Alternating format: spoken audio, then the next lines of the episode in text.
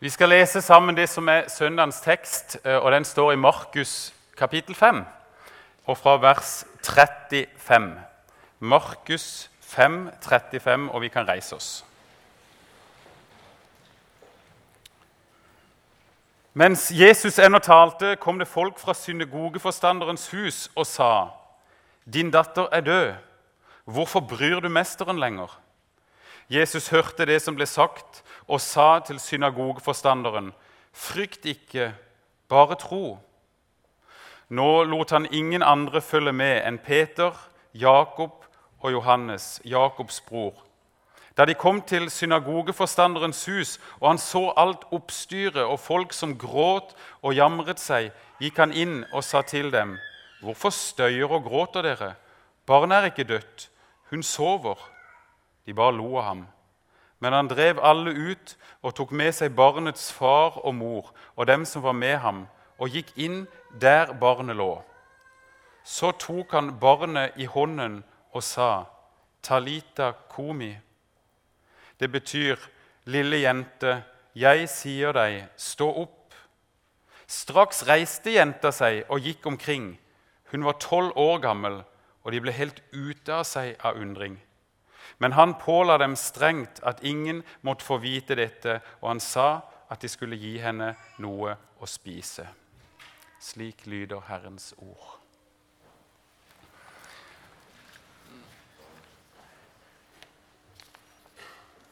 For snart ti år siden så døde mormora mi.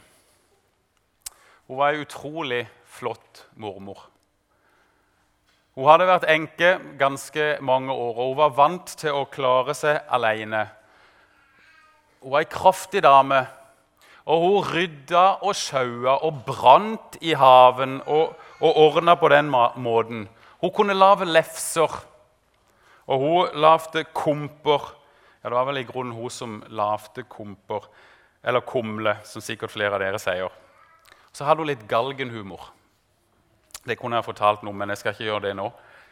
Hun bodde rett ved siden av skolen, og jeg var ofte innom henne i matfriminuttet.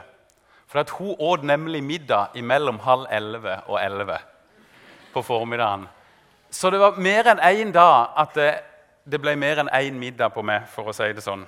Først hos mormor, og så hjemme. Seinere på dagen så tok hun gjerne turen hjem til oss. Jeg tror omtrent hver eneste dag.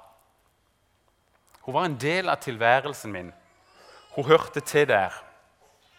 Da hun døde, så var hun 91 år. Hun hadde kreft, eh, og siste måneden som hun levde, så bodde hun på sykehus og på sykehjem. Jeg bodde i Oslo, og jeg fikk bare besøkt henne én gang denne siste måneden. Men mamma og søstera mi var der oftere. Og de kunne fortelle det, at det var i grunnen fredelig å være hos henne på sykehuset. Hun lå for det meste og sov i senga. Men så kunne hun plutselig begynne å prate, og da sa hun flere ganger Jesus, hold meg fast. Hold meg ved ditt kors. Takk for nåden. Amen.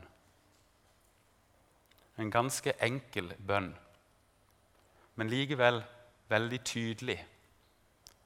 Mormor hun var klar til å reise. Hun var klar til å forlate jorda. Og selv om det er trist når de gamle dør, så er det likevel noe veldig naturlig over det. Og det kan være fredelig å være sånn med ei sykeseng på denne måten. Noe helt annet er det når det er et barn som ligger for døden. Det river og sliter i oss med en mye, mye større kraft. Barn skal ikke dø før foreldrene sine, kan vi si. Og det ligger liksom i ryggmargen vår. Det er noe som er fundamentalt feil. Det at ens eget barn har det vondt, det er noe av det verste en forelder kan oppleve.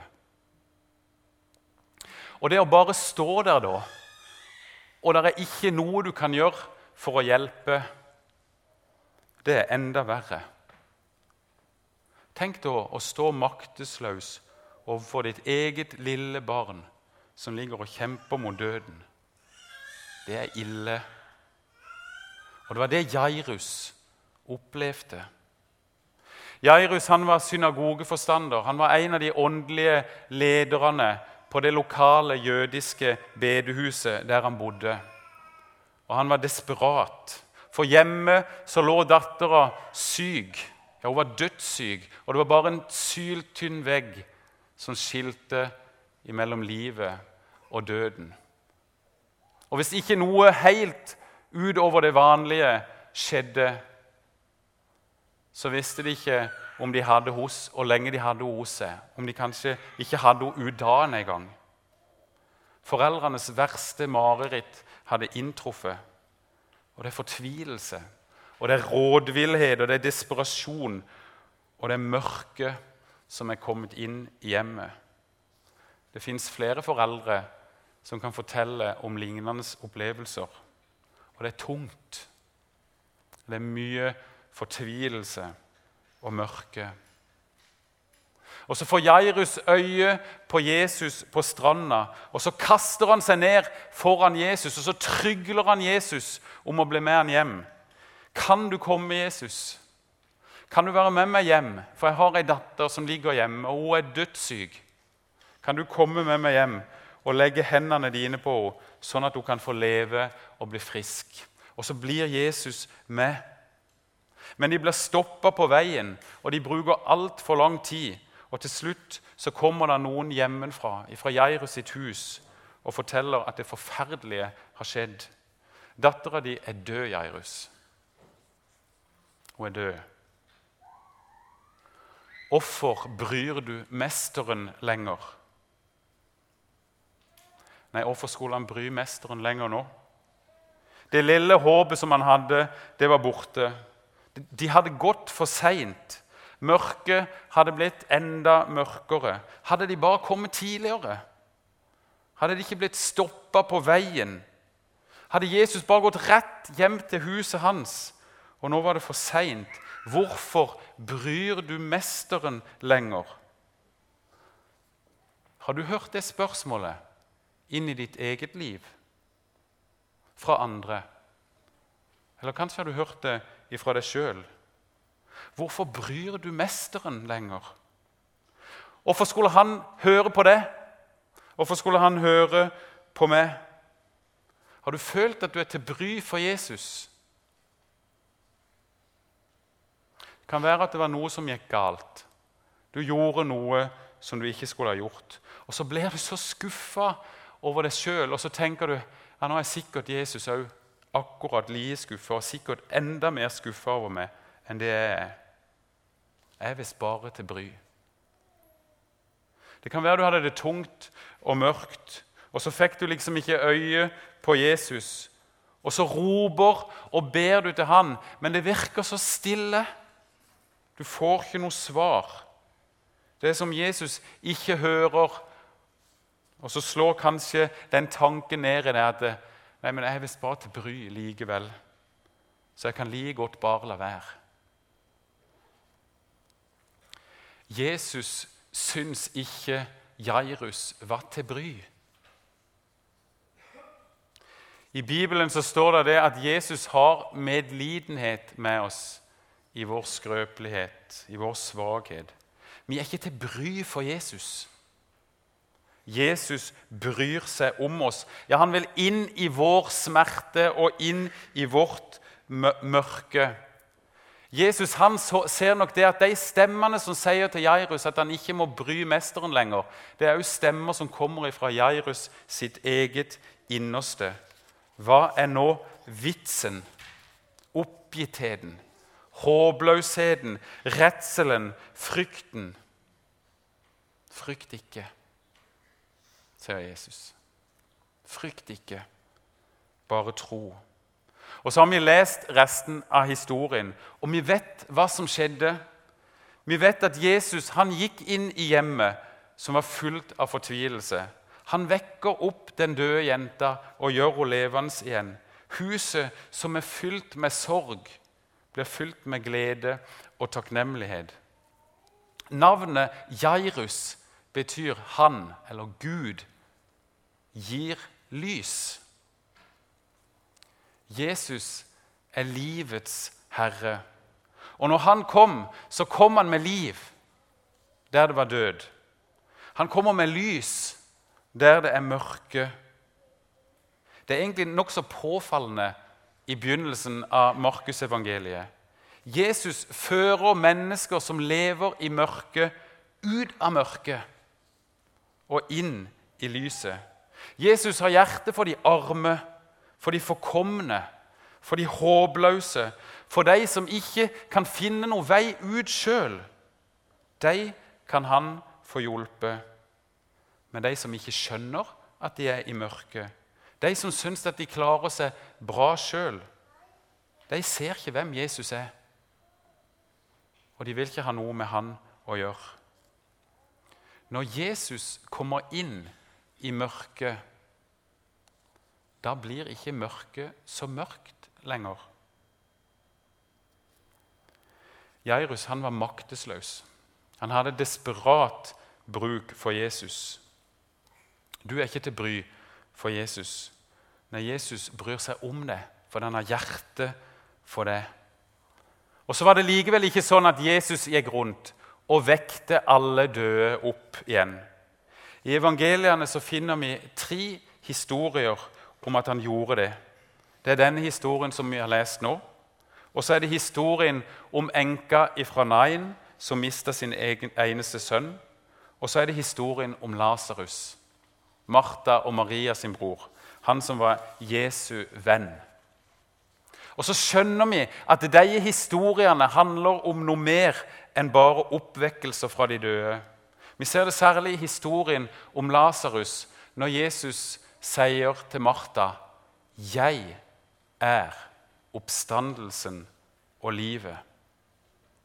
Oppvekkelsene er et forvarsel om hva som skal komme til å skje med han sjøl når han skal bekjempe døden og stå opp igjen. I dag er det på en måte en første påskedagssøndag tidlig på høsten. En oppstandelsesdag som minner oss om at han som er vår frelser, han er livets herre. Det var livets herre som kom inn i Jairus sitt hus. Talita komi, sier Markus at Jesus sa. Ordene har sikkert brent seg fast i de som hørte dem. Og jeg tenker at de når som helst kunne lukke øynene og tenke seg tilbake til den situasjonen, til den store som de hadde vært med på. Når Jesus vekte opp denne jenta, og de hørte ordene Talita Komi, moren og faren til jenta. Jakob, Johannes og Peter de fikk lov til å være der og se underet skje. Markus han har ikke oversatt det sånn som han gjør andre steder, men han lar ordene stå der, og så forklarer han på gresk hva de betyr. Lille jente, jeg sier deg, stå opp. Jeg sier deg. Underet som skjer, det skjer på Jesu ord. Og når Jesus vekker opp enkas sønn i Nain, er det det samme. Du unge mann, jeg sier deg, stå opp. Når Jesus vekker opp Lasarus, så står det at Jesus roper inn i grava. Lasarus, kom ut. Han talte, og det skjedde. Han bød, og det sto der, står det om Gud i Salme 33, vers 9. Og det er det Jesus gjør her. Han taler ord, og de ordene han taler, de skjer. Det er bare Jesus som kan tale døde mennesker til liv. Fordi det er han som er selve livet.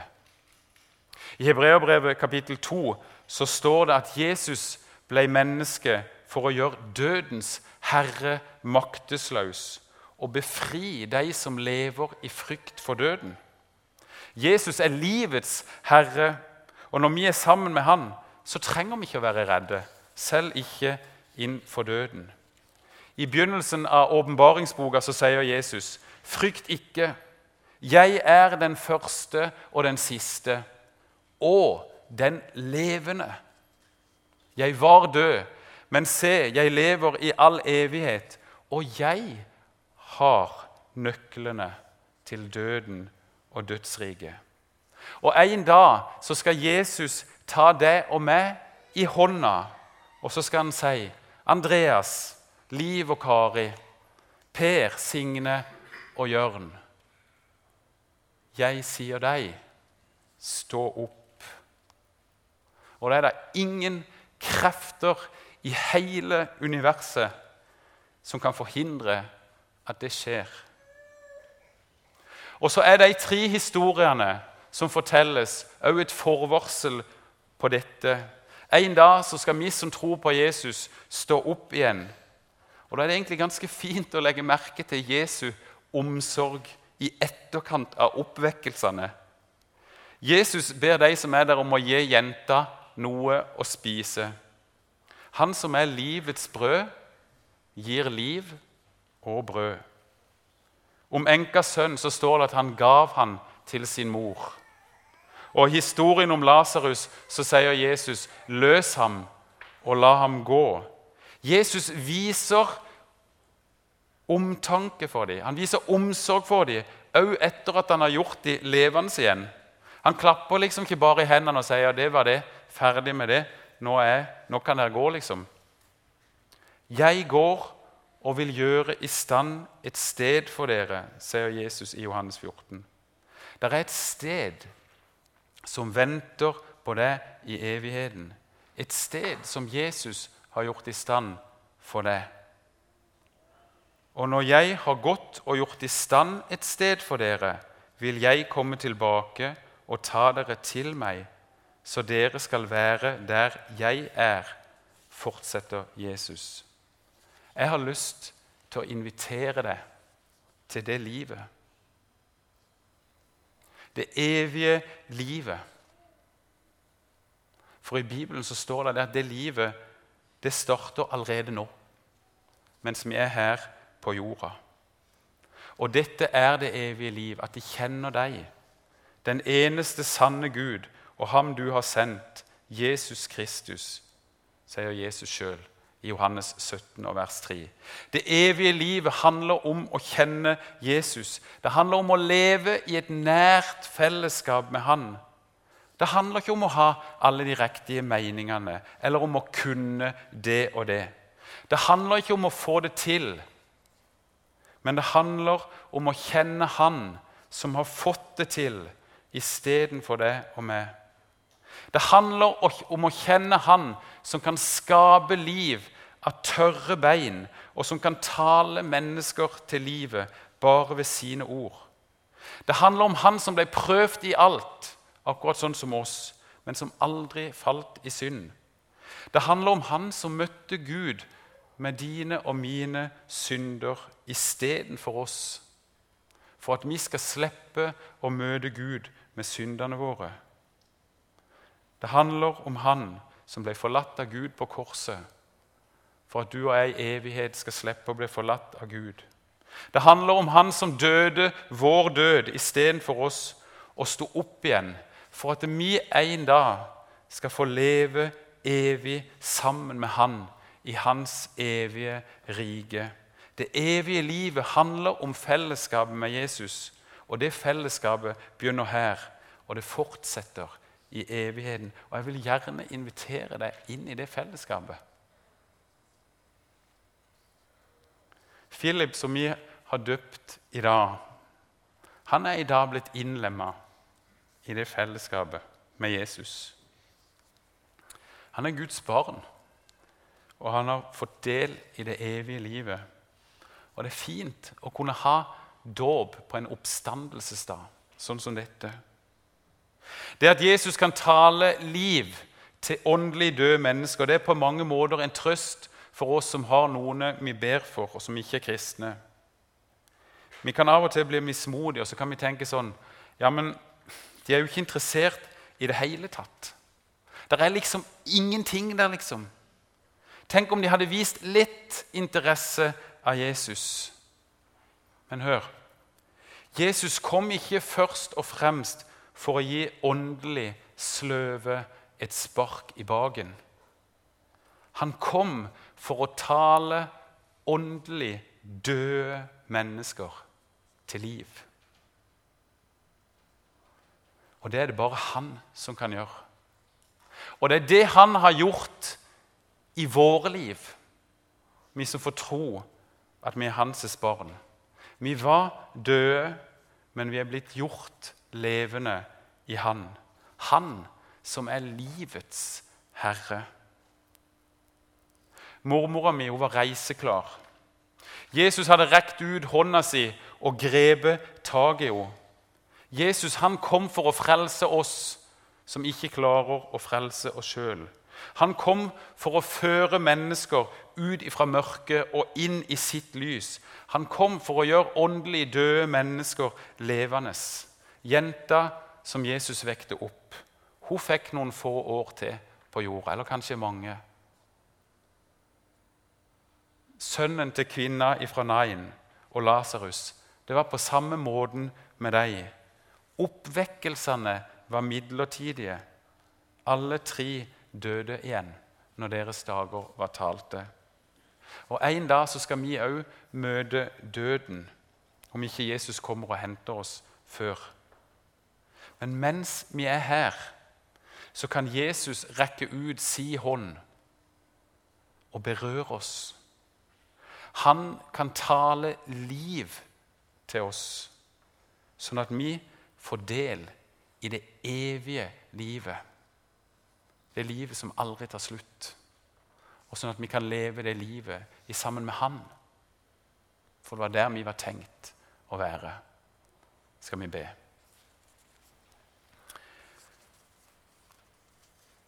Kjære Herre Jesus, jeg takker deg for at du er livets herre. Jeg takker deg for at du har gitt oss evig liv, og det livet, det er i deg. Og Herre, så ber vi for alle oss som er her inne i dag. Herre, du kjenner oss, og du vet hvordan vi har det, både i forhold til hverandre og i forhold til deg. Og Herre, jeg ber om at du må puste og tale ditt liv inn i våre liv. Sånn at vi kan få kjenne det og få vandre i et trygt fellesskap med deg, alle sammen. Herre, så ber vi om velsignelse over resten av gudstjenesten vår. At du må være oss nær. Amen.